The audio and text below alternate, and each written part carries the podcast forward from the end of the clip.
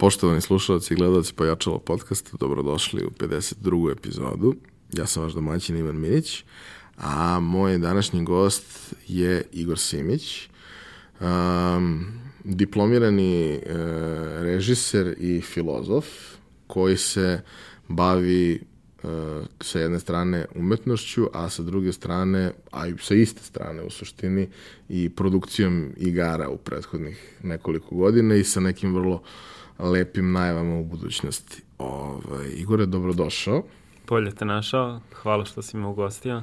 Ja moram da podelim e, kako smo se mi uopšte upoznali. A to je bilo pre nekoliko godina na e, jednoj e, konferenciji koju je organizovao jedan moj prijatelj, gde sam ja bio nekakav predavač, a kasnije sam bio u žiriju za uh, najbolju mladu igru i najbolji, najbolji koncept za igru koju smo onda uh, slali, ja mislim, na, na, na Casual Connect yes. ili na, na, na nešto tako. I bilo je tu nekoliko kolega, zaista sjajna ekipa uh, među sudijama i za mene neverovatno pozitivna atmosfera i jako puno veoma zanimljivih uh, kandidata, gde su neki bili vrlo napredni u svojim rešenjima i idejama, neki su više konceptualno posmatrali to sve. Mm -hmm. Međutim, uh, onda si izašao ti, prezentovao nam uh, Golf Club Wasteland i mi smo svi bili potpuno očarani onim što vidimo. Ne zato što je to sad nekakva najrevolucionarnija igra koju smo videli, daleko od toga u pitanju je mini golf, ali cela priča koju ste vi osmislili i ispričali, način na koji to izgleda, način na koji je to uh, malo je glupo reći opevano, ali način na koji je to podvučeno muzikom mm -hmm. i dodatnim audio sadržajem i svim je prosto bio takav da uh, nisi siguran da li gledaš uh, dokumentarac, umetničko delo, mislim science fiction nekakav da. dokumentarac, da. ali to je jednostavno bilo tako da nakon toga kad je igra konačno izašla, ja sam shvatao screenshotove, slao ljudima i bio u fazonu mi, ja bi ovo štampa i stavio bi na zid i gledao bih ovo svaki dan. Hvala. Malo i da me podsjeća u kom smeru idemo i što to možda treba da promenimo. Ali uh, tad sam zapravo, tad smo se upoznali, posle toga si me ti kontaktirao da sednemo malo da pričamo o tome svemu i e, ja vrlo volim da pričam sa mladim ljudima koji imaju neku zanimljivu ideju i ja sam seo sa tobom i bio sam potpuno beskoristan jer ja uopšte nisam razumeo način na koji ste vi probali da uđete u tu industriju koji je bio potpuno suprotan od onoga što je nekakav industrijski standard. Da. E ono što je genijalno, što ste vi uspeli, a mi to ništa nismo razumeli. Da. Ali ajde, o tome ćemo pričati dalje. Ajde prvo da pričamo kako je došlo do toga. Mm -hmm. uh, rekao sam šta si po obrazovanju, mm -hmm. uh, šta su bila tvoje interesovanja od starta, kako si uopšte gradio svoju akademsku karijeru i otkud uh, u Njujorku na jednom od najboljih univerziteta u svetu, koji je on kao Ivy League i sve, i otkud dva majora. Ono. I Ove... de baš ta dva. da. E, hvala na, na lepom uvodu ovaj, i daleko od toga da si bio beskoristan, meni je značilo, ja sam posle zvao drugare da kažem, eto, bleo sam sa Minićem. ovaj, u svakom slučaju, um, ništa, ja sam rođen 88. u Beogradu i išao sam u osnovnu školu na Novi Beograd e, u Branko Radičević u blokovima Ovaj, posle sam išao u matematičku gimnaziju ovaj, i bio je od uvek e, moj plan da idem u Ameriku na fakultet, ali sam znao da će biti e, neka vrsta umetnosti, ali umetnosti koja treba da ima neke veze s društvom, jer me interesovala politika, društveno uređenje i tako da. A umetnost zato što sam ja od četvrte, pete godine išao u školu slikarstva, radio sve od ugljena akvarela do um, ulja sa jajetom i tako dalje. Ovaj, I imao sam dosta afiniteta za, za umetnost. Tako da još tokom srednje škole sam u Akademskom filmskom centru e, Studentski grad išao kao neku školicu filma. A ovaj, Amerika i zato što je moj otac koji je 37. godište 60-ih otišao u Ameriku da uh, doktorira elektrotehniku. Tako da je postojao taj, po, ta pozadina. I onda sam završio ta dva fakulteta u Njujorku, mislim paralelno dva majora na, na Univerzitetu Kolumbija i to je prosto bio proces od nekih dve godine gde sam se pripremao, pisao te eseje, radio SATs i sve to. I ja sam ovaj, isprva prvu godinu završio na Boston univerzitetu i onda sam primljen na transfer na Columbia University. I zašto ta dva majora? Zato što um, čak i u Bostonu sam bio na nekom vrsti kao uh, model UN i te, te stvari i nastavila je da me interesuje, ovaj, ajde da kažemo, politička filozofija. A film uh, je bio spoj toga što sam bio dosta dobar u pisanju i dobar u slikarstvu. Ovaj, I to je bilo odlično iskustvo zato što profesori tipa za film mi je predavao ceo semestar Paul Schrader, um, scenarista, taksiste, reditelj američkog žigola. Ovaj, um, predavao mi je Richard Penja koji je bio umetnički direktor uh, New York Film Festivala, koji je veliki uh, filmski geek. Ovaj, on bukvalno zna na kom minutu treba da se pusti film za određenu scenu. Uh, ovaj, i ima ogromno poznavanje svetske kinematografije koje nije ni malo snobovski, tako da smo mi gledali od Bollywooda do kultnog brazilskog filma Kako je ukusan moj mali francuz, ovaj, gde kao domoroci ovaj, kanibali. Da, kanibali uhvate francuza. Ovaj, ili, na primjer, on je imao VHS eh, jedini uz Scorseseovu kopiju gde je Scorsese radio restauraciju, VHS nekog egipatskog filma koji se ceo dešava u Suton sa nekim beduinima koji kradu po piramidama, piramidima i to je puštao nama, a nema nigde drugde na svetu da se gleda.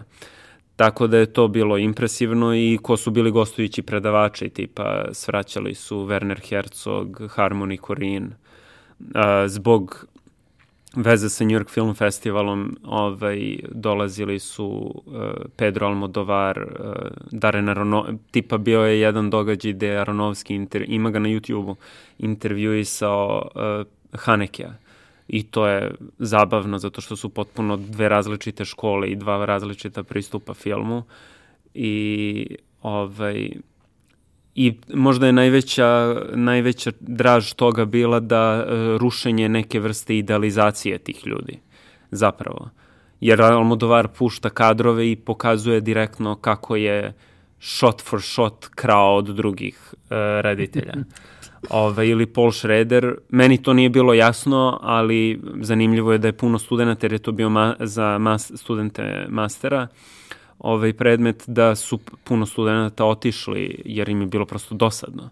I onda je interesantno da je takva legenda da s jedne strane naučiš dosta o studentima i njihovim očekivanjima, a i sa druge strane da shvatiš da čovek koji je napisao taksistu ne mora bude najzanimljiviji čovjek na svetu.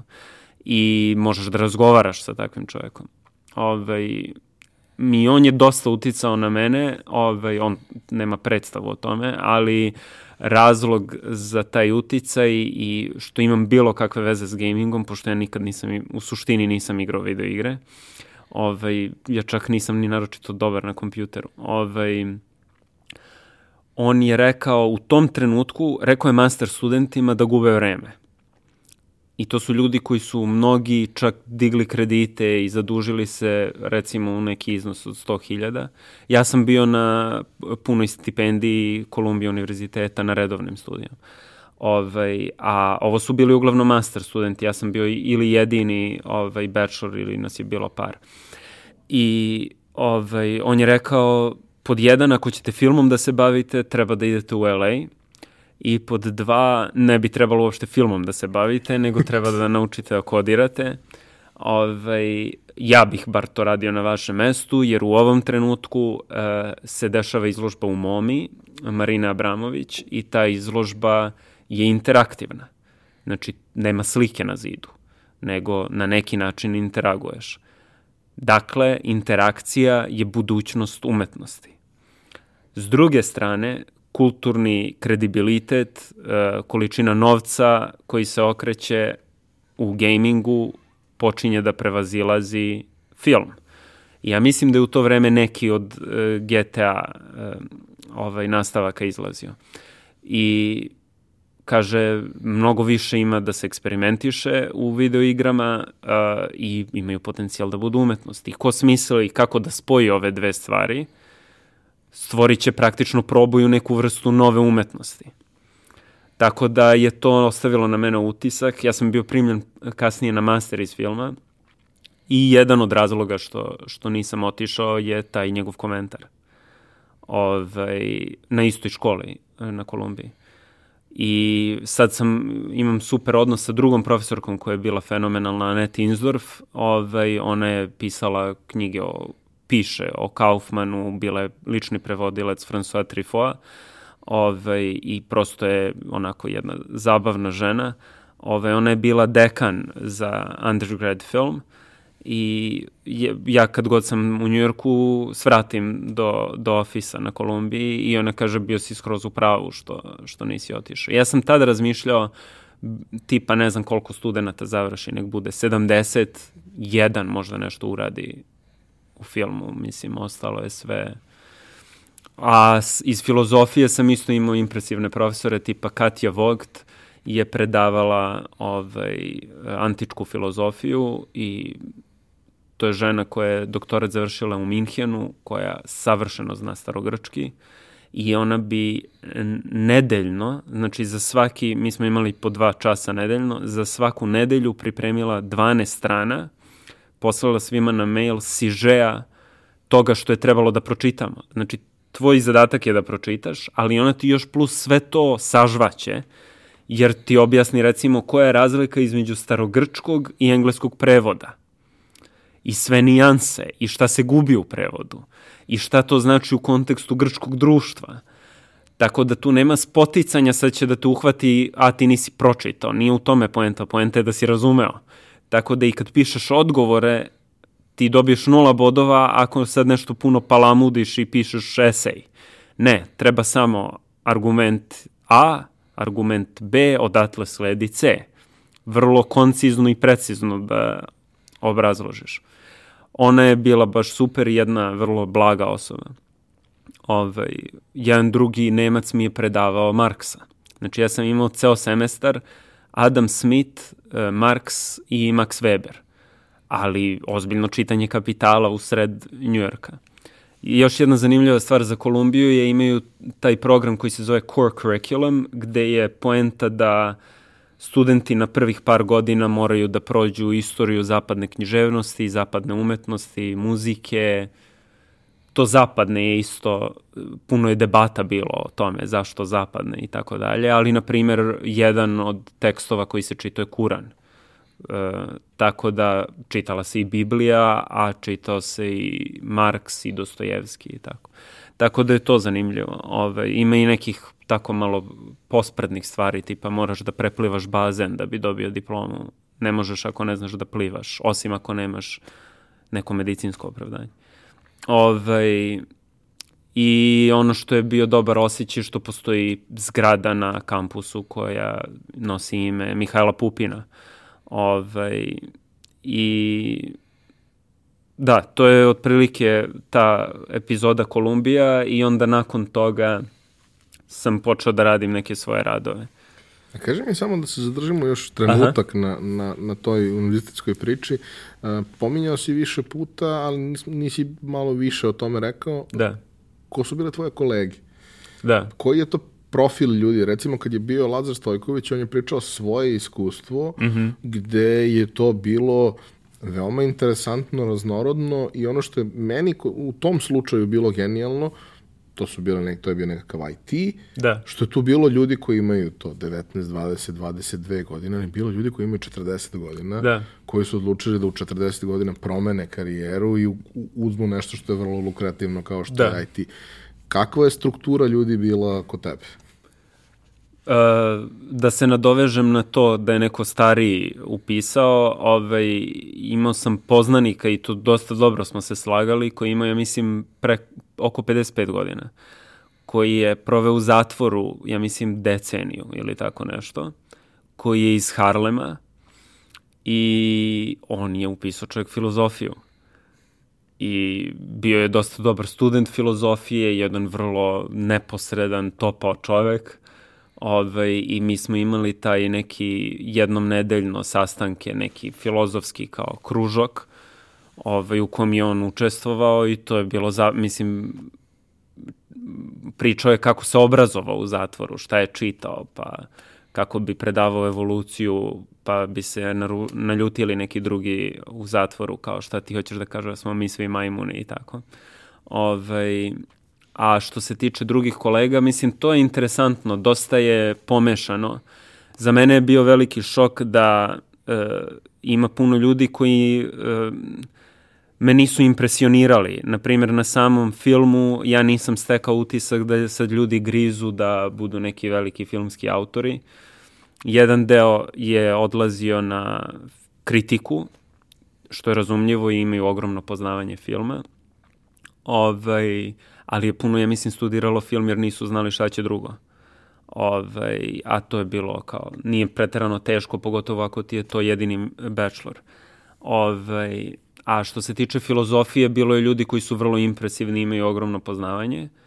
Ovaj, ali, e, na primjer, sećam se, jednom sam imao raspravu sa curom, u, e, imaju kao ono dining hall na kampusu, o tome, ona je e, radila bachelor iz psihologije i to je faza ka e, law degree.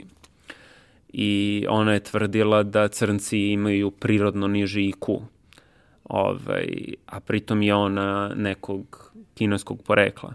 Ovaj, I onda je to zabavno slušati da neko ko kao studira psihologiju daje vrlo uh, slabe pseudonaučne rasističke argumente zašto je to tačno. Tako da je pomešano, takođe klasno je mešano, ima puno ljudi koji su iz veoma imućnih porodica, pa zato studiraju. Ovaj, I ima ovaj, ljudi koji su dobili stipendiju, da li sportsku, da li kao ja akademsku. Ok, nakon toga kažeš prelaziš na, da kažemo, konkretne svoje projekte. Da. Šta je uopšte bila ideja, odnosno od, od čega si ti krenuo, šta ti je bio nekakav cilj, kratkoročni, srednjoročni, kako si ti uopšte zamišljao da to treba da izgleda? E, plan je bio uh, počet ću da radim kratke filmove, jer kad uradiš kratki film koji dobije nagradu na Sundance-u, dobiješ šansu da uradiš dugometraž. To je ukratko biznis plan. Ovaj, I um, međutim, dok sam studirao, izašao je film Steve McQueen-a Glad uh, sa Michaelom Fassbenderom i ja sam tad uh, proučio malo biografiju i shvatio da je McQueen imao već pozamašnu karijeru u savremenoj umetnosti i taj debitanski film je snimio, tad je već imao 39 godina i to je dobilo nagradu u Kanu za najbolji debitanski. Ovaj, I tad sam shvatio da je moguće mešati te stvari. Što mi je bilo nezamislivo na fakultetu, zato što smo tipa pola semestra analizirali scenario za Rokija, što je u redu, međutim nešto mi tu nije funkcionisalo. Takođe je bio taj moment da uh, kada učiš scenario gde postoji veliki zanatski deo, jedna od stvari koja, koju te uči da postoji formula za pisanje scenarija. A ta formula se zove Hero's Journey. Znači da postoji glavni lik koga ti onda pratiš i on prolazi nekih 12 faza. A to je meni puno ličilo na isto što su nas učili na fakultetu u uvodu ekonomiju a to je da e, postoje jeli, ponuda i potražnja i postoji neka nevidljiva ruka koja održava to tržište da funkcioniše. I to je isto predavano kao da je Bogom dano, kao da je po prirodi stvari to tako mora. I te dve stvari su meni bile nekako slične. Ovaj, I bile su mi na neki način dogmatske. Tako da sam ja onda rešio u startu, odmah nakon izlaska sa fakulteta, ajde da probam da napravim kratki film koji može istovremeno da uđe i u filmski kontekst i u kontekst savremene umetnosti. I šta onda sa filmom? Da, Ovaj, ja sam znači prvo snimio jedan neki eksperimentalni film, pa sam snimio taj koji me na neki način stavio na mapu, e, Mislilac u supermarketu, to je e, film od 7 minuta gde e, Rodenov mislilac sedi ispred polica u supermarketu i ti čuješ njegov tok misli o istoriji pakovanja, kečapa, senfa, čipsa, robova na prekookeanske brodove, radnika u fabrike, ljudi u stanove i na kraju se sve to zapali. I taj film ovaj, je imao premijeru na festivalu u Edimburgu i onda nakon toga je e, dobio prvu nagradu na sajmu umetnosti u Kelnu. I tu je bilo nekih 1100 radova i tad sam shvatio da postoji prostor neki za mene u savremenoj umetnosti i prvi put sam tad stupio u kontakt sa galerijskinjom koja e, me danas reprezentuje. I to je bila 2013. Ovaj, nakon toga sam uradio još dva rada u toj trilogiji, iz nepoznatih razloga radim uvek po tri rada u, u seriji. Ovaj, drugi e, je e, inspirisan Rodenovim poljubcem i muškarac i žena su u tom poljubcu. To su glumci, to, u tom slučaju plesači Bitev Dance kompanije. I ti neizmenično čuješ tok misli muškarca i žene, a oni rade cost-benefit analizu, da li mi u interesu da budu s drugom osobom. Ovaj, na kraju njoj zvoni mobilni i ona ode i tako. Ovaj, to je film u 10 minuta. Znači ja sam uh, pravio uh, tako uh, da bude izuzetno visoka produkcija, da postoje uslovi i da to ostvarim neke estetske kriterijume koje sam zacrtao, ali na takav način da može da se snimi za dan. Tako da mi pripremamo mesecima i onda egzekucija. I treći u tom serijalu, 2015. Melanholični dron, to je tok misli tužnog drona koji leti nad Beogradom, ovaj, i toliko se vezao za Beograd da on ne bi imao srca da nas ikad bombarduje. Ovaj, I njegov prethodni operater... On je vojni dron. Vojni dron. I njegov prethodni operater je dobio otkaz jer je voajerisao jedan par ovaj, u zgradi Genexa. Ovaj, I njegov novi operator je vrlo disciplinovan. Međutim, dron je sad uh, razvio neku vrstu samosvesti i ne podnosi novog operatera koji je prosto dosadan. I on odlučuje u tom trenutku, u tih sedam minuta koliko traje film, ovaj, e, dron postane uh, emotivan i odluči da postane slobodan i javi se tom paru, pozdravi se s njima i ode nekim svojim putem. I to je dobilo prvu nagradu na Loop video festivalu u Barceloni i uvršteno je u stalnu kolekciju Muzeja savremene Barcelone.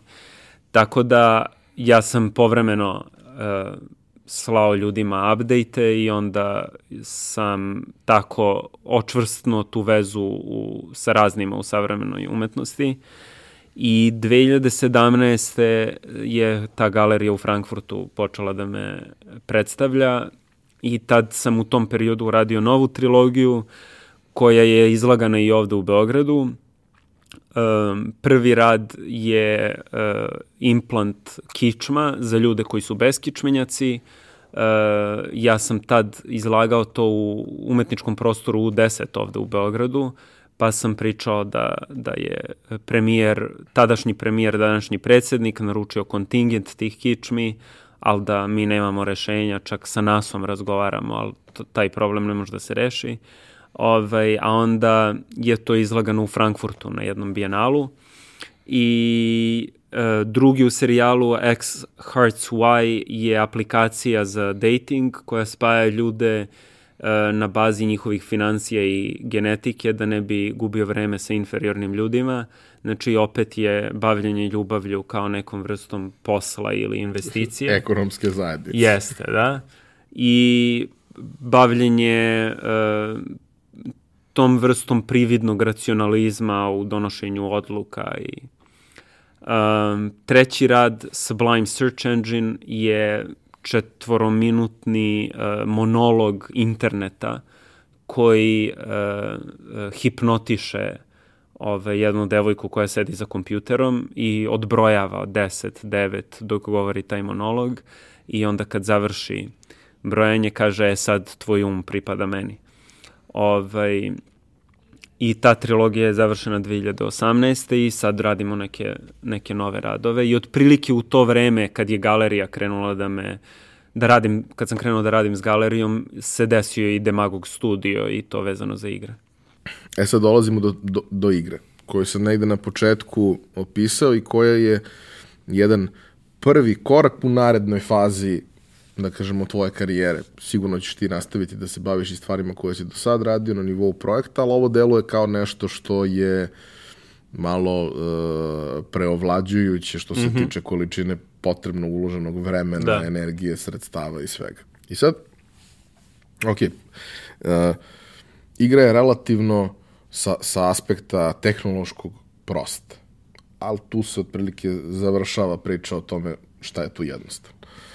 Način na koji izgleda priča koju ona priča je zaista impresivan i ja bih voleo da ti probaš da nas provedeš kroz to, imaju u vidu da naša praksa ovde je da iako mi imamo video komponentu svega ovoga, gledamo da sve bude objašnjeno rečima na pravi da. način, jer dobar deo slušalaca uh, ovo samo sluša kroz audio podcast i ideja nam je naravno da konzumaciju audio sadržaja ohrabrujemo zato što mm -hmm. je mhm. to prosto nešto što nije invazivno i možeš da slušaš dok radiš i druge stvari. Na YouTube-u smo jer gomela ljudi koristi YouTube, tamo da. je publika i nije cilj da ovo pravimo za premali broj ljudi, već da, da probamo lagano da širimo i edukujemo i tu grupu. Uh, kako bi ti to rečima objasnio šta je, šta je u suštini priča, a onda kako ste pristupili rešavanju svake od stvari, mm -hmm. da to mhm. na kraju izgleda i zvuči onako. I ko su bili ključni ljudi isto? Da. Znači, e, drugari iz matematičke gimnazije, znači iz srednje škole, i ja smo uradili dve video igre koje sam tretirao praktično kao umetničke projekte i one su izlagane u kontekstu savremene umetnosti i tako sam ja prvi put uopšte e, probao nešto u videoigrama. I e, ti eksperimenti su bili besplatni, prosto tipa upravljaš fabrikom gde deca proizvode igračke i tvoj posao je da budiš decu ako e, spavaju na proizvodnoj traci. Ovaj, um, I to je prosto eksperiment bio. Ovaj, međutim, e, kako su se oni zaposlili, a ja nastavio svoj rad, e, predlog je bio ajde da probamo da uradimo neku igru za ozbiljno. Ovaj, I bilo je znači dosta razmišljanja šta bi bio najbolji projekat, a da to um, bude izvodljivo sa ljudima koji imaju posao preko dana. I prvo je bila neka ideja sa dronovima, multiplayer koja je propala i to lutanje je trajalo neko vreme, s tim što ja to nisam aktivno mislio o tome, niti iskreno mene to i zanimalo. Ovaj, ali mi je Paul Schroeder kao kroz maglu, kaži prstom, ovaj, me podsjećao da treba da probam. I ništa, e, premisa igre je da je bila ekološka katastrofa, da je 0,1% ultra bogatih e, otišao sa zemlje i preselio se u Tesla City na Marsu, a mi ostali raja, mi smo svi izginuli. I sad ti bogati povremeno u slobodno vreme posete zemlju da bi pikali golf po ruševinama. Znači, to je praktično priča. Ovaj, E sad, glavni lik video igre je pilot te misije na Mars. On je bogate odveo na Mars. Međutim, nije se uklopio u društvo u Tesla City-u, u depresije i osjeća ogromnu krivicu. I on uspeva kroz svoje veze u tom Golf Club Wastelandu, to je u suštini turističkoj organizaciji, da sredi sebi da otputuje sam nazad na zemlju. I onda je on prinuđen da igra golf, ovaj, ali je priča iz njegove vizure vrlo emotivna, jer vidi sva mesta koje je znao, koje su sad potpuno uništene. Ovaj, a kroz, kroz to njegovo putovanje ga sve vreme prati jedna mutirani albino dečak i naš glavni junak, koga mi u firmi zovemo Žućko, ovaj, je potpuno nesvestan toga do samog kraja kada se oni zapravo sretnu i ovaj, Žućko odluči da, da ostane na zemlji sa potencijalno poslednjim ljudskim bićem i da se ne vrati na Mars. Iako će radijacija i sve da ga, da ga ubiju. Znači, to je glavni sloj priče. Onda nad tim postoji još jedan sloj priče, a to je radijski program koji on sluša. Znači, on sluša radio nostalgiju sa Marsa, gde ljudi koji žive na Marsu su sad nostalgični za zemljom koju su uništili i zovu radijski program i vodi, radijskom voditelju pričaju neka svoja sećanja, ovakve ispovesti kao ja sad. I to su sećanja uglavnom iz detinstva. A između tih pričica e, voditelj pušta neku retro muziku s tim što u kontekstu igre retro znači 2020. i 30. I tu muziku smo ovaj, mi iskompon... znači originalna i muzika. Ovaj, znači to je drugi sloj pripo, pripovedanja. Treći sloj pripovedanja je e, lični dnevnik Žućka koji se otvara kroz poene. Znači, u principu je igra relativno jednostavna u smislu da igraš golf i ideš s leva na desno, e, ali su mi e, kolege u firmi rekle, dobro, treba neka vrsta um, nagrade za dobro igranje. Meni to nije bilo uopšte jasno, za nije poenta prosto da istražiš taj svet. A ne, ne, ljudi vole poene i šta ja znam.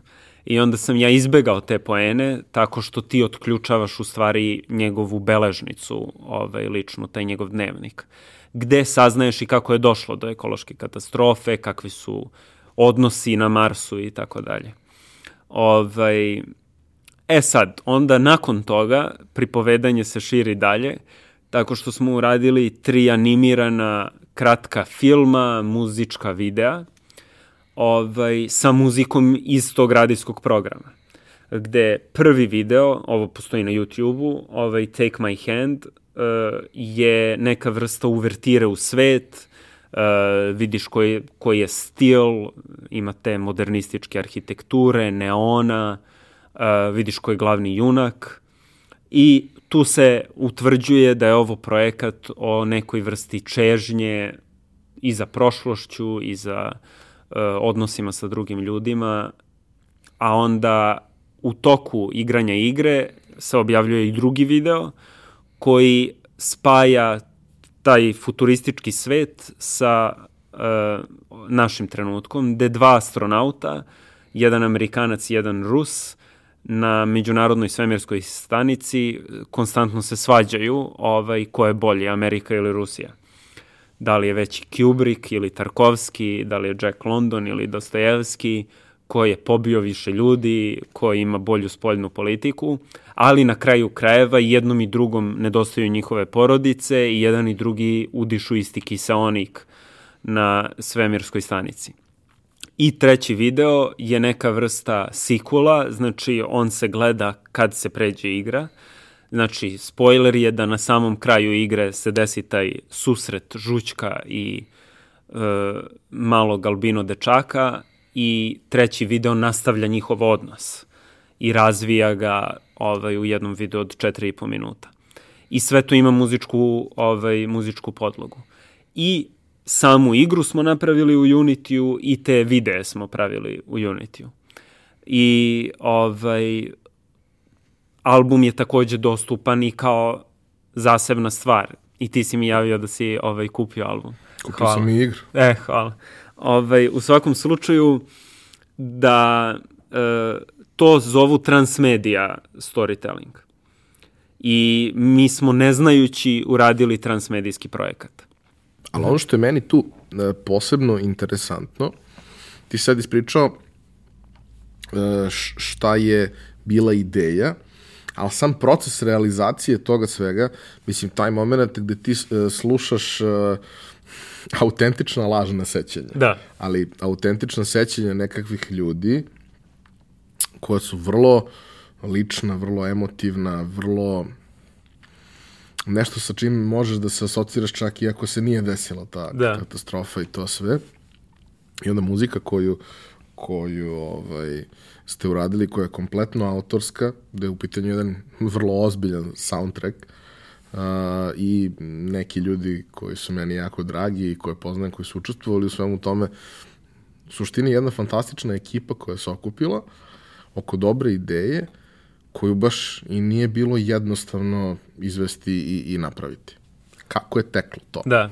Ovaj, znači, pored tri programera koji su e, sa mnom radili na tim prethodnim igrama, e, Presut je deo tima u suštini sa tih umetničko-filmskih projekata. E, Nikola Stepković koji je e, praktično nacrtao igru, ovaj, i on je art direktor u, u firmi, e, čovjek je arhitekta, zato to izgleda onako arhitektonski.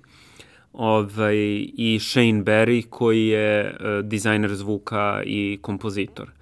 I to je neka core ekipa koja je radila.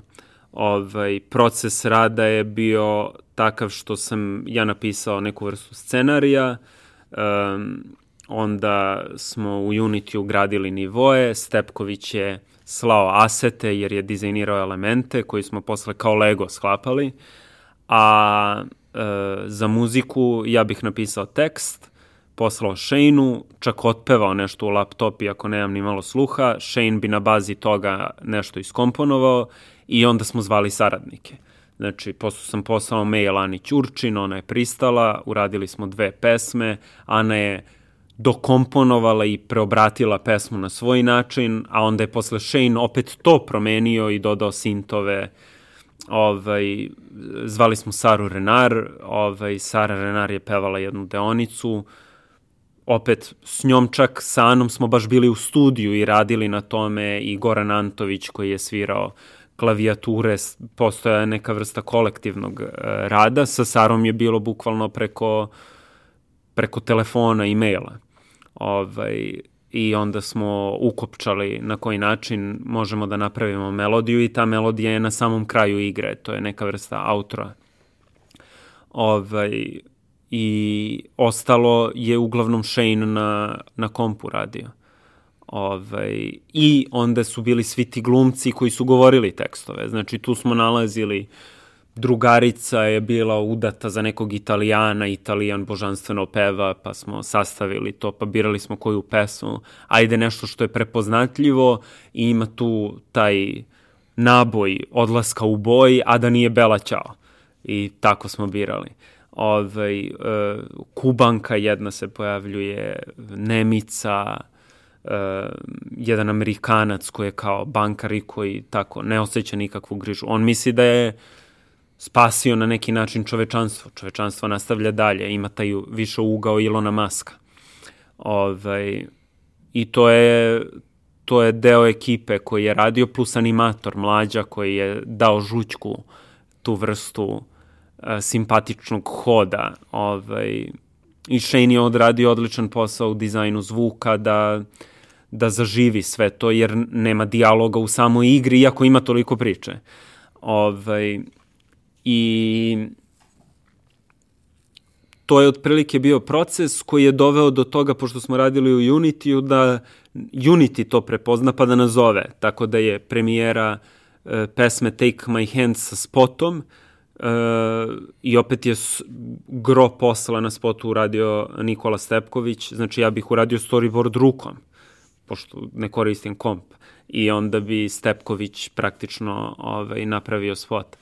I uh, u, to je bio, ja mislim, znači 2018. u leto je bio Berlin Unite i tu je bila ta premijera i onda nakon toga su nas zvali da u LA-u pustimo treći taj spot i da držimo predavanje o transmedia storytellingu gde smo upoznali ljude iz Disneya, ja sam vozio scenu u Unity u Blade Runneru, jer su bili ljudi koji su radili VFX na novom Blade Runneru, Ovaj, I predlog tih ljudi je bio igra vam je okej, okay, ali napravite miniseriju iz ovoga, jer je priča dobra.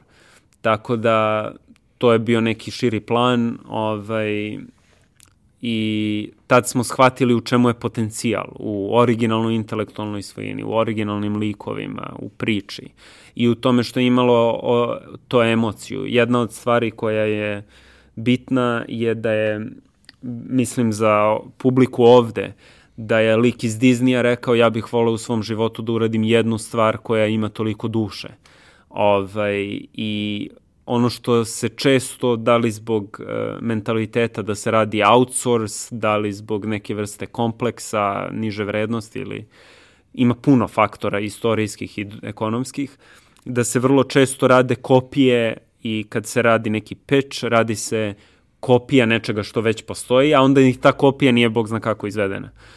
Ovaj, a ono što bi bio idealan put je da se ponudi originalna ideja koju taj neki finac, norvežanin, amerikanac bi voleo da ka, bi rekao, e, ja bih voleo ovako nešto da uradim.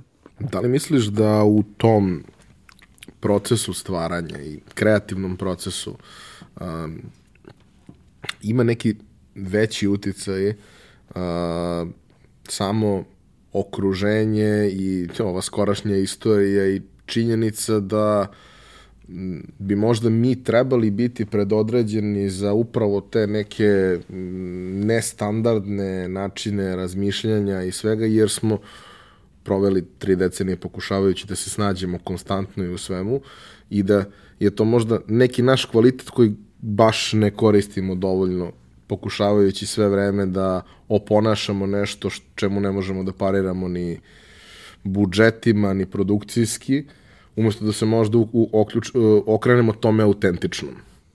Da, e, ima jedna od autorki, zaboravio sam joj ime, koja se bavi tim antropologijom, kulturološkim, sociološkim stvarima, je, e, ima taj neki termin e, kao neka vrsta čežnje prema zapadu i tako dalje.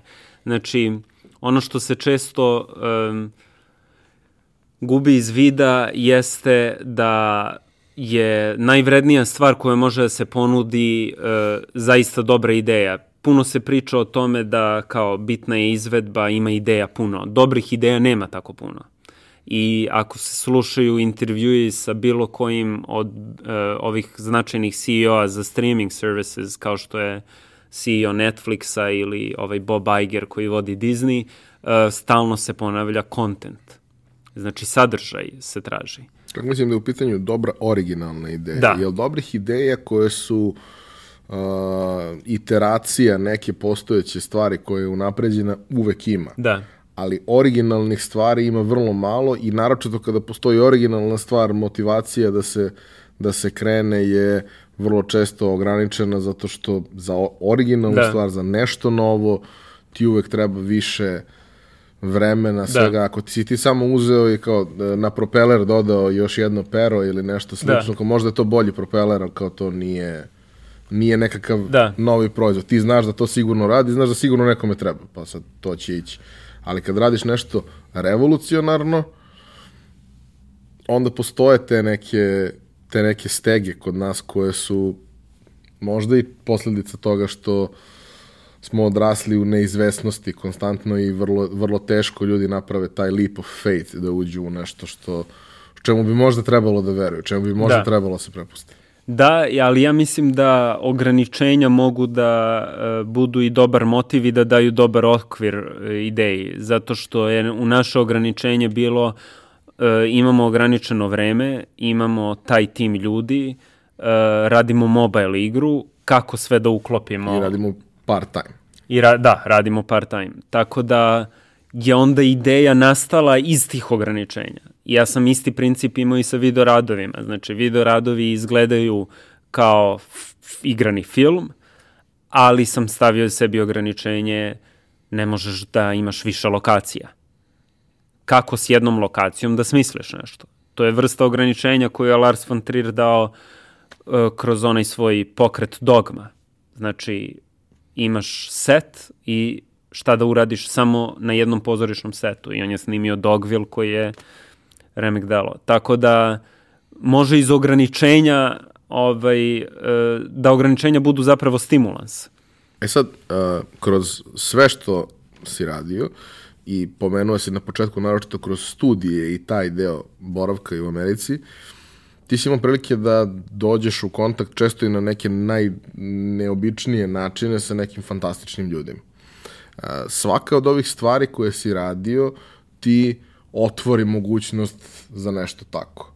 Uh, šta su neke situacije koje si imao, mislim, ne kao uh, ko su svi sjajni ljudi koje si upoznao, nego da. prosto šta je negde tebi bilo najupečatljivije u smislu, ok, upoznao si sjajne ljude, kako su oni tebe promenili, šta su ti oni dali, šta su ti, kako su doprineli da ti budeš bolji, svesniji, kvalitetniji zbog takvih kontakata? Ja mislim da e, najveći uticaj nisu izvršili na mene nikakvi ljudi koji su kao e, bitni. Uglavnom su to m, ono međuljudski odnosi sa običnim ljudima, ovaj ali e, da ušao si u gaming, mislim da. ušao si u gaming zbog ideje koju je profesor izneo. Jest, jest. Ovaj, ali kada se dođe na taj nivo posla, zanimljivo je prosto da kroz e, te kontakte ti u stvari stekneš bolju sliku kako funkcioniše svet.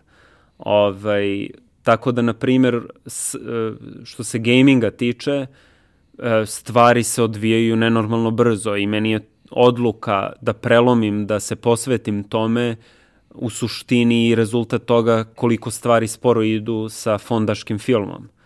Znači, e, nekad je i vrlo dobro imati loše iskustva zato što te upute na neki drugi put. Na primer, mi završavamo igru, nama se javlja e, član žirija u kojem si ti bio Nikola Čavić i pita me jel hoćeš da ideš na GDC. Ja nemam pojma šta je GDC. Pitam drugare šta je Game Development Conference, moraš da ideš, bo ništa, sedem na let, stignem u San Francisco i sad upoznajem sutradan uh, šefa App Store-a za Evropu. Ovaj, I sad ja kažem, evo ja sam upravo prodao jedan umetnički rad, time finansiram svoj start-up, iz Cegera vadim mobilni, pokažem igru, on kaže ovo izgleda fenomenalno, ajde da, da vidimo, upoznaj prijatelja Nila, Nil piše sve tekstove za App Store, Nil kaže, u, to je super priča. Ovaj, tako da, bukvalno mi onda imamo tri nedelje kasnije u Dubrovniku na Rebootu sastanak sa headom App Store-a za, ne znam, ovaj deo sveta. I sad on prolazi to ovaj, i kaže ništa, ajde da isplaniramo kad će release igre. I e, dogovorimo se oko datuma da bude posle WWDC-a i objavljena je igra i kreću fičeri uglavnom nacionalni po Evropi, u Kini i tako dalje. Znači, feature bukvalno znači samo da... Bude istaknuto u... u jeste, samom. na App Store-u. Ovaj, I ono što je bitno, što je neko i napisao uh, iz Apple-a recenziju i jedna od stvari je bila da je to jedan od najboljih soundtrackova u istoriji Apple igara uopšte. Ovaj, tako da to nam je sve dalo kredibilitet i na bazi toga su nas zvali zvali novinari. Ovaj, a onda na bazi toga ti možeš dalje da pregovaraš za neki novi projekat. Znači, to je i sad radimo sa, sa tim Čavićem koji je bio, koji je napravio tu koneksiju. Znači, to je samo uh, jedan od primera. S druge strane, u filmu, kada sam video koliko sporo stvari idu i kako... Uh, ono što je dobro u gamingu je što je sve okrenuto ka napolje. Tako da uh, ti kao šef jedne gaming kompanije i ja imamo interesa da pomognemo jedan drugom i nismo, u suštini nismo konkurencija. Tržište nam je svet. Ovaj, a u filmu je vrlo drugačije, pošto je film uglavnom neprofitabilan, onda se svi glože za jedan isti bedni fond. I onda imaš te klanove čuvene, imaš te međuljudske odnose koji nisu dobri. Ovaj, I kad sam prosto stavio na papir, ok, ko su generacije ispred mene filmskih reditelja, koje su nagrade dobili, kolika je gledanost njihovih filmova i kolika je pauza između debitanskog filma i narednog. To su pauze od po 10 godina. I da li si ti onda više reditelj ili si ti asistent na fakultetu ili si e, reklamožder ili si član nekog odbora ne, i tako. Tako da sam tu ovaj presekao i fokusirao se na to i na, na umetnost, a umetnost je postala neka vrsta eksperimentalnog područja gde ja testiram u suštini buduće intelektualne svojine, jer je i ova ideja sa golfom nastala jer sam imao ideju da radim nešto vezano za Silicijumsku dolinu, za Ilona Maska. U samoj igri imaš recimo ogromnu skulpturu Ilona Maska koja je modelovana po Karlu Marksu u, u e, Nemačkoj ili imaš reference na Amazon, na tu veliku četvorku, četiri jahača apokalipse, Bezos, Musk, Zuckerberg i Peter Thiel. Ovaj, I njima je to zabavno. Ovaj, I kada u LA-u, recimo, to mi isto bilo značajno, e, ja sam u suštini kroz proces rada s demagogom shvatio da e, sa relativnom lakoćom e, pričam što nije e, sposobnost koja je bila bitna pre toga. Tako da, na primjer, to predavanje je bilo dosta dobro ovaj, prihvaćeno i onda na bazi toga smo ostali u kontaktu s raznim drugim ljudima. Ovaj, što se tiče poznanstava, na primjer, e, susret s, uh, koji su kao absurdnija, susret sa Andresom Fokom Rasmusenom koji je tad bio da li premijer Danski, a posle postao šef NATO-a, je mene naučio puno, jer je tad bio, on je bio na Kolumbiji i bio je držao neko predavanje i u to vreme se glasalo za Lisabonski ugovor u okviru EU I ja sam ga pitao, dobro, zašto u puno zemalja, čini mi se, uključujući njegovu, nema nikakvog referenduma, niti bilo šta, nego samo se to parafira. I kako je to demokratski, zar nije cela poenta da su demokratske institucije? I on se nasmejao i s lego ramenima. I mene je to naučilo sve što treba da znam o politici. Ovaj, uh, Tako da sam video i taj domen da lično imaš kontakt sa tom dozom licemerja. Ovaj, um, ili je zanimljivo da prosto shva, shvatiš neki red veličine kada smo u Dubrovniku pregovarali o novoj igri i razgovaraš sa različitim uh, ljudima koji su potencijalni izdavači ovaj, tog novog projekta i oni finansiraju razvoj i posle imate razne modele kako uh, delite zaradu.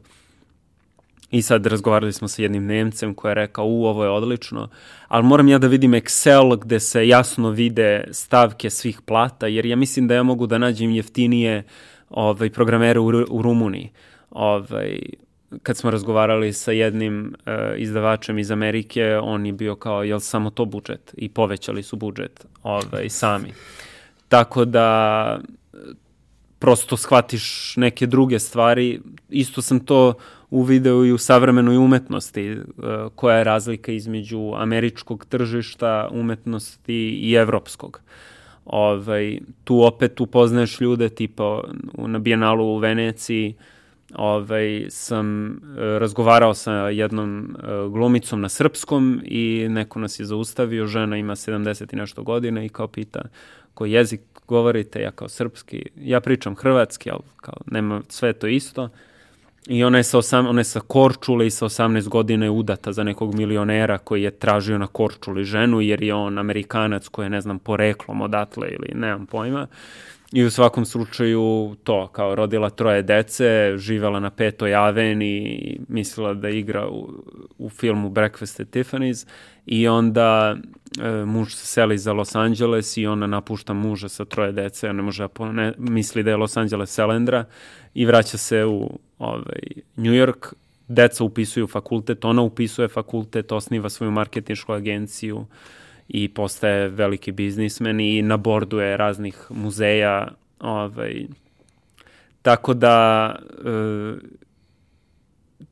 u suštini moj utisak je da u eri sve ove tehnologije mail služi za to da se u suštini zakaže nešto, ali samo lični odnos ovaj, daje rezultate i to se ne menja.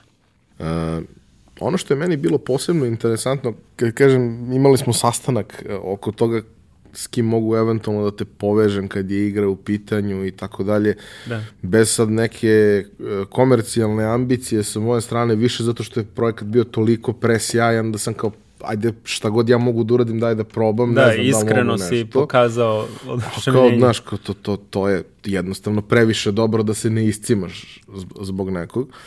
Tad smo pričali i e, ja sam došao iz priče i, pripremljen sam bio iz razgovora sa kolegama koje to rade u gaming studijima i, i produkcijama po svetu, da kao, ono, postoje ti neki ciklusi monetizacije koji su išli prvo je bilo kupuješ igru, pa je onda bilo kupuješ igru za nešto manje para, ali da kupuješ ekstenzije, pa je onda bilo dobiješ besplatnu igru, ali da bi mogao da igraš moraš da plaćaš nekakav subscription, Da. pa sad ne moraš da plaćaš ništa, ali da bi realno bio dobar u igri moraš da kupuješ stvari da bi prosto imao veću šansu da, da ostvariš dobre rezultate. I kao to se tako razvijalo, to je sad kao taj free to play moment da. gde te ako hoćeš da trošiš više vremena, imaš bolje rezultate, motiviše te igra da, da trošiš novac, u nekom trenutku m, pogreši se malo u tom proračunu koliko treba nekog da guraš u pare, Da. pa to možda postane pay to win, pa gubi igrače. Komplikovano je. A ti si mi rekao, e, ne, nećemo mi ništa, ne, mi nemamo bodovanje, mi nemamo tog takmičiš se sa prijateljem, nemamo ništa od toga. Ha, dobro. I naša igra će da se kupuje. Mm, ali igre se ne kupuju. Pa ne, nego, naša igra će da se kupuje. I vaša igra se kupovala. I vaša igra je, ok, nisu to nekakve milionske cifre, ali igra je pokrila svoje troškove, pokriva sad nekakve kaplje od nje mm -hmm. redovno, a što je možda i najvažnije, e, igra je proof of concept da to može da se uradi i da ste vi sposobni da napravite nešto na tom nivou i da vam otvara vrata Da. za nešto ozbiljnije. E sad, e, taj deo monetizacije bih volao da mi objasniš kroz iskustvo mm -hmm. kroz koje si prošao i da mi ispričaš ukratko uh, bez previše otkrivanja jer zaista želim da, da, da dočekam da to bude, da se stvarno dušem Da. kako treba. Šta je druga igra, šta je ideja sa, sa Da. nastavkom priče? Ovaj, što se tiče e, biznis plana, ja nisam imao nikakvo iskustvo u tome i išlo se po nekom osjećaju koji sam smatrao zdravorazumskim i postoja je neka vrsta saglasja u firmi. Igre na koje smo se ugledali, kao što je Monument Valley, ovaj, i takvih igara sad ima sve više, su e, takozvani premium model. Znači, platiš, kupiš igru i to je to. Međutim, uspešnih e, primera kao Monument Valley ima veoma malo. Monument Valley svi znaju baš zato što je redak primer, plus se pojavila igra i u House of Cards i tu postoji puno, puno razloga i toliko je jedinstvena i mehanika igranja i e, vizualno da, da ne može da se, to ne može da bude promašaj.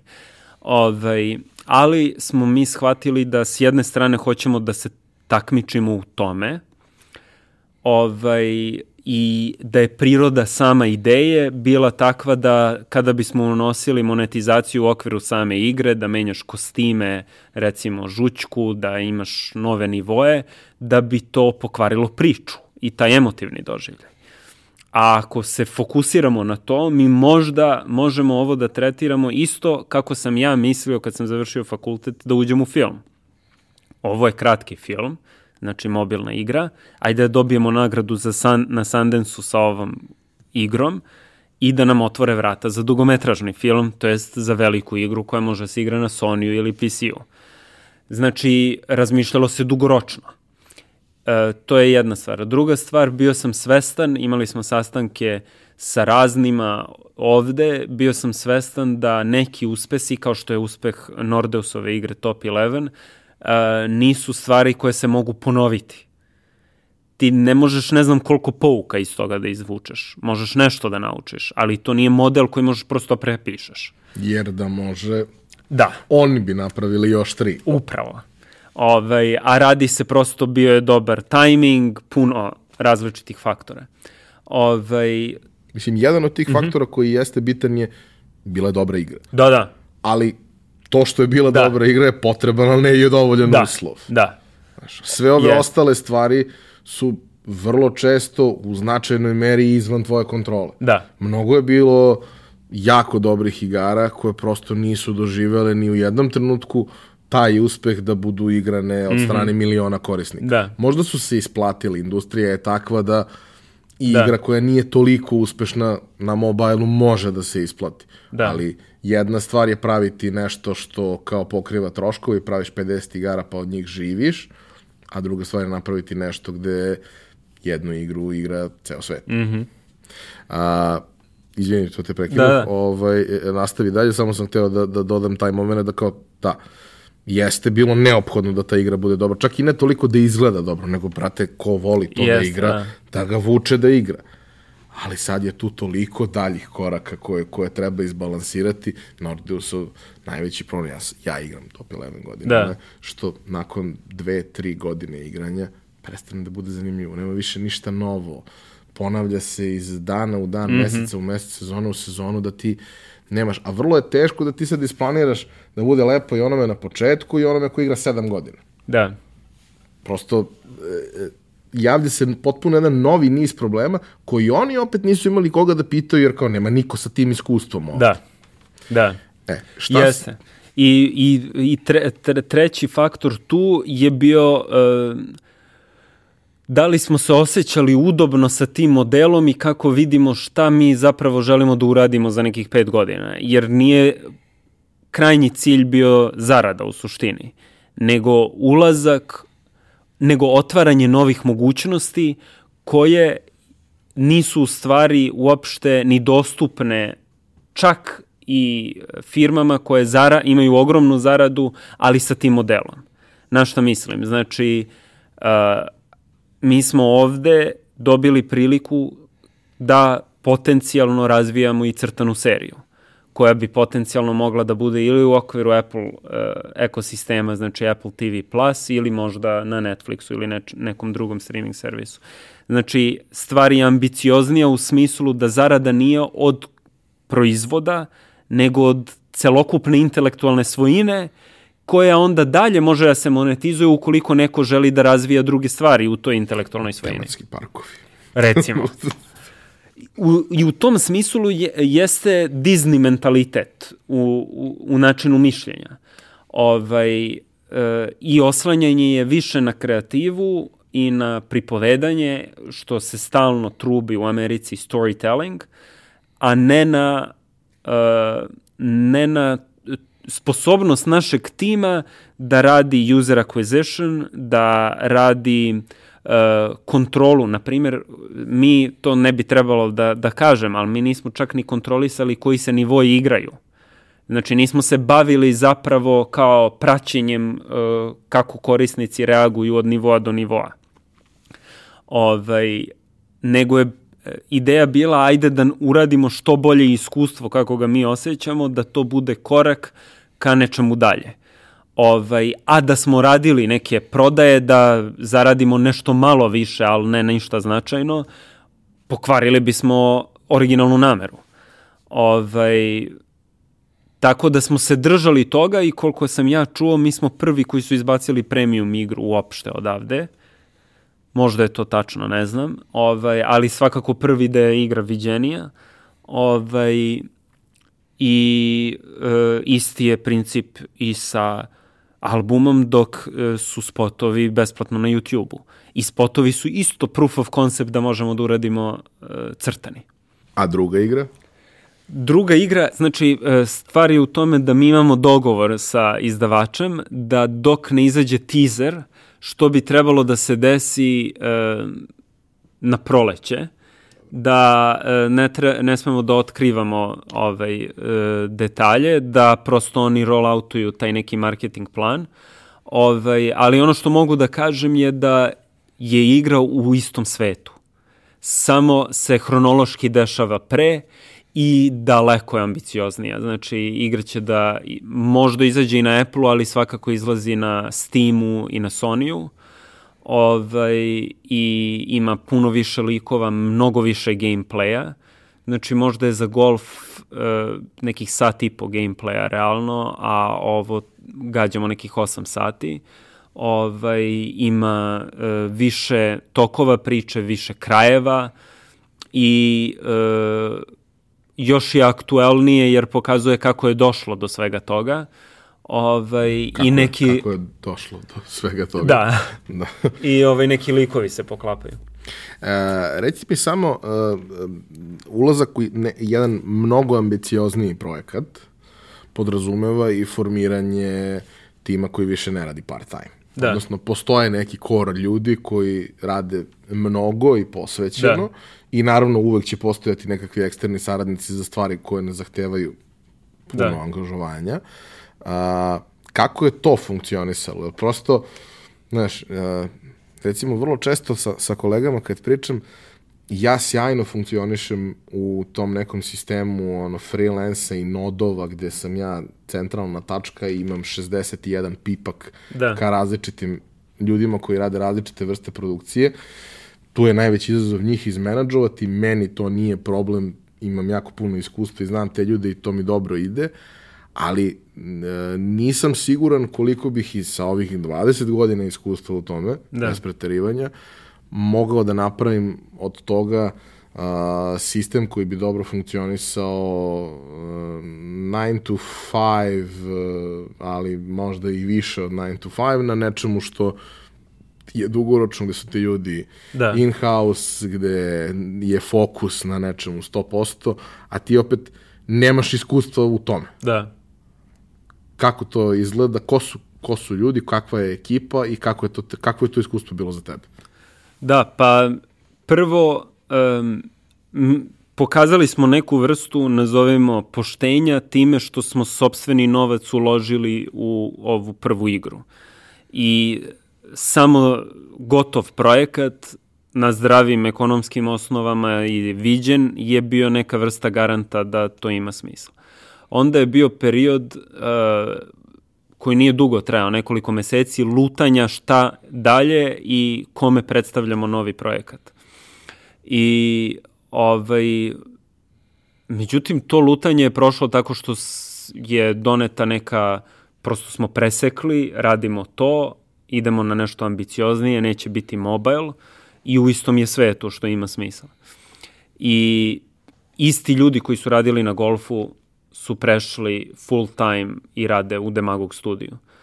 Uh, I ja mislim da većina, mislim svi su to jedva dočekali. Zašto? Zato što uh, niko nije uzeo, ne znam, neki pay cut, a rade nešto gde direktno su i suvlasnici u firmi i imaju više motiva, prave nešto svoje, posla ima u IT-u, ali je uglavnom ubitačno dosadan i uglavnom je outsource i uglavnom ti neko diše za vratom. Ovde ima naravno ta druga strana da dišeš sam sebi za vratom, što je nekad i gore, ovaj, ali ja mislim da imamo neku vrstu familijarnog odnosa, jer se mi, ne, neki od nas se znaju i po 15 godina. Uh, tako da mi manje više znamo sve o svima i e, ne mora čak ni puno da se objašnjava, imamo shorthand. Ovaj, e, I tu su znači Shane, Stepković, tri programera, ja i sad polako još neki e, ljudi se pridružuju. Ovaj, e, malo je naporno u početku, ali e, stvar je u tome da radimo nešto što dugoročno ovaj, uh, ima dugoročne planove i ja mislim da motivacija je ono na mestu. Sad nas i cela scena ovde zna, uh, gaming, i ovaj, ja bukvalno pristupam tome kao filmu. Znači, režiram ljudi, ovo je departman za zvuk, ja ne znam da komponujem, ne znam note da čitam, ali imam neki osjećaj i onda Shane to pretvori u nešto. Stepković, ja ne znam komp da koristim, ali on ovaj, izdizajnira cele svetove i to radimo zajedno. Game design, snalazimo se grupno, pokušavam da se game design što bolje spoji sa pričom, jer neka dugoročna ideja je da radimo jednog dana AAA igru. Znači, ta vrsta snova ne može, ne poklapa se dobro sa tim da radimo mobile igre gde stvaraš zavisnost kod ljudi. Uh, dakle, tim je u suštini vrlo mali. Da. Veoma posvećen, vrlo mali, jako kompaktan, posvećen tim koji uh, osjeća projekat kao svoj da. i formalno projekat da. jeste da kažemo, podeljen u okviru tima i, sa, i vlasnički i tako dalje. Neću te pitati više detalja oko tome, iako jedva čekam. Uh, samo bih volao da uh, podelimo sa ljudima kad, znači, trailer možemo da očekujemo na proleće, kad je ideja da igra bude gotova? Ideja je da uh, zvanična, zvanični release igre bude početkom 2021. Znači, celu narednu godinu uh, radimo na igri, s tim što će izlaziti verovatno uh, uh, u seriji više videa koji će biti tizeri iz sveta, uh, delovi uh, muzičkog albuma novog koji radimo. Ali je release znači za neki godinu i po dana. Dobro. Uh, Igore, hvala ti na iskustvu koje si podelio i mislim da je, da, da je priča bila sjajna i iako nije uobičajena za nešto što, što mi ovde pričamo, jer su ljudi prevashodno klasični preduzetnici koji rade nešto. Upravo sam želeo da ispričamo jednu ovakvu priču samo da bismo zagolicali neke ljude koji se ne vide u onome, a možda se u ovome vide jer može i ovako. Da. Ja možda ne mogu ovako, ali ima ljudi koji mogu. Ti ljudi možda ne mogu kao ja. Da. I na neki način je bila ideja da, da ovaj, probamo da neke sjajne klince, a možda i ne klince, motivišemo da ako imaju nešto slično, nađu neko kao što se ti popričaju sa njim, nakupe energiju i upuste se u to, makar ono, part time posle posla pravili igru za, za, za mobilni sa idejom da to bude nešto što će moći da pokažu. Uh, ono što smo uveli pre nekoliko epizoda je da u svakoj epizodi uh, delimo knjigu. E, u vezi toga kako se ovaj postaje preduzetnik, jedan, jedna od stvari je to da moraš da budeš prilično posvećen i da e, nema zabušavanja i da ako postaviš neki sistem i uspostaviš neke navike, nema danas mi je teško, nego prosto svaki dan postoji obaveza da. i to je to. Uh, atomske navike delimo ove nedelje ko je zainteresovan za knjigu, u komentarima na YouTube-u nek ostavi komentar, izvlačit ćemo pred narednu epizodu. Ja bih ti se još jednom zahvalio što si gostovo. Hvala tebi. A vi, naši slušalci i gledalci, kao i do sada, šaljite komentare, šaljite feedback, šaljite predloge za dalje. Gde te ljudi mogu sresti i videti u nekom narednom periodu? Uh, jedan od načina je nekada uh, se pojavim na uh, meetupovima Sr Serbian Gaming Association. Oni su imali neku vrstu preseka pre nedelju dana kao godišnji izveštaj nakon prve godine postojanja. Ovaj, um, to je jedan način, mogu da pošalju mail uh, na sajtu Demagog studija, kontakt at Demagog studio. Ovaj, mi malo malo pa dobijemo pitanja, CV-eve i tako. Ovaj, e, mogu da pošalju mail i na moj lični mail. Ovaj, to je kod, u mom slučaju sve otvoreno zato što ja nemam lične društvene mreže. Tako da mi nije pažnja toliko rasuta i onda sednem i odgovorim na mailove ovaj, na sajtu igorsimić.com, tako da ovaj, mi smo uvek radi i ljudi nam svraćaju studio ovaj, popijemo kafu i tako. Morat ću i ja da svratim da vidim Obavezno, kako ovo novo da. izgleda.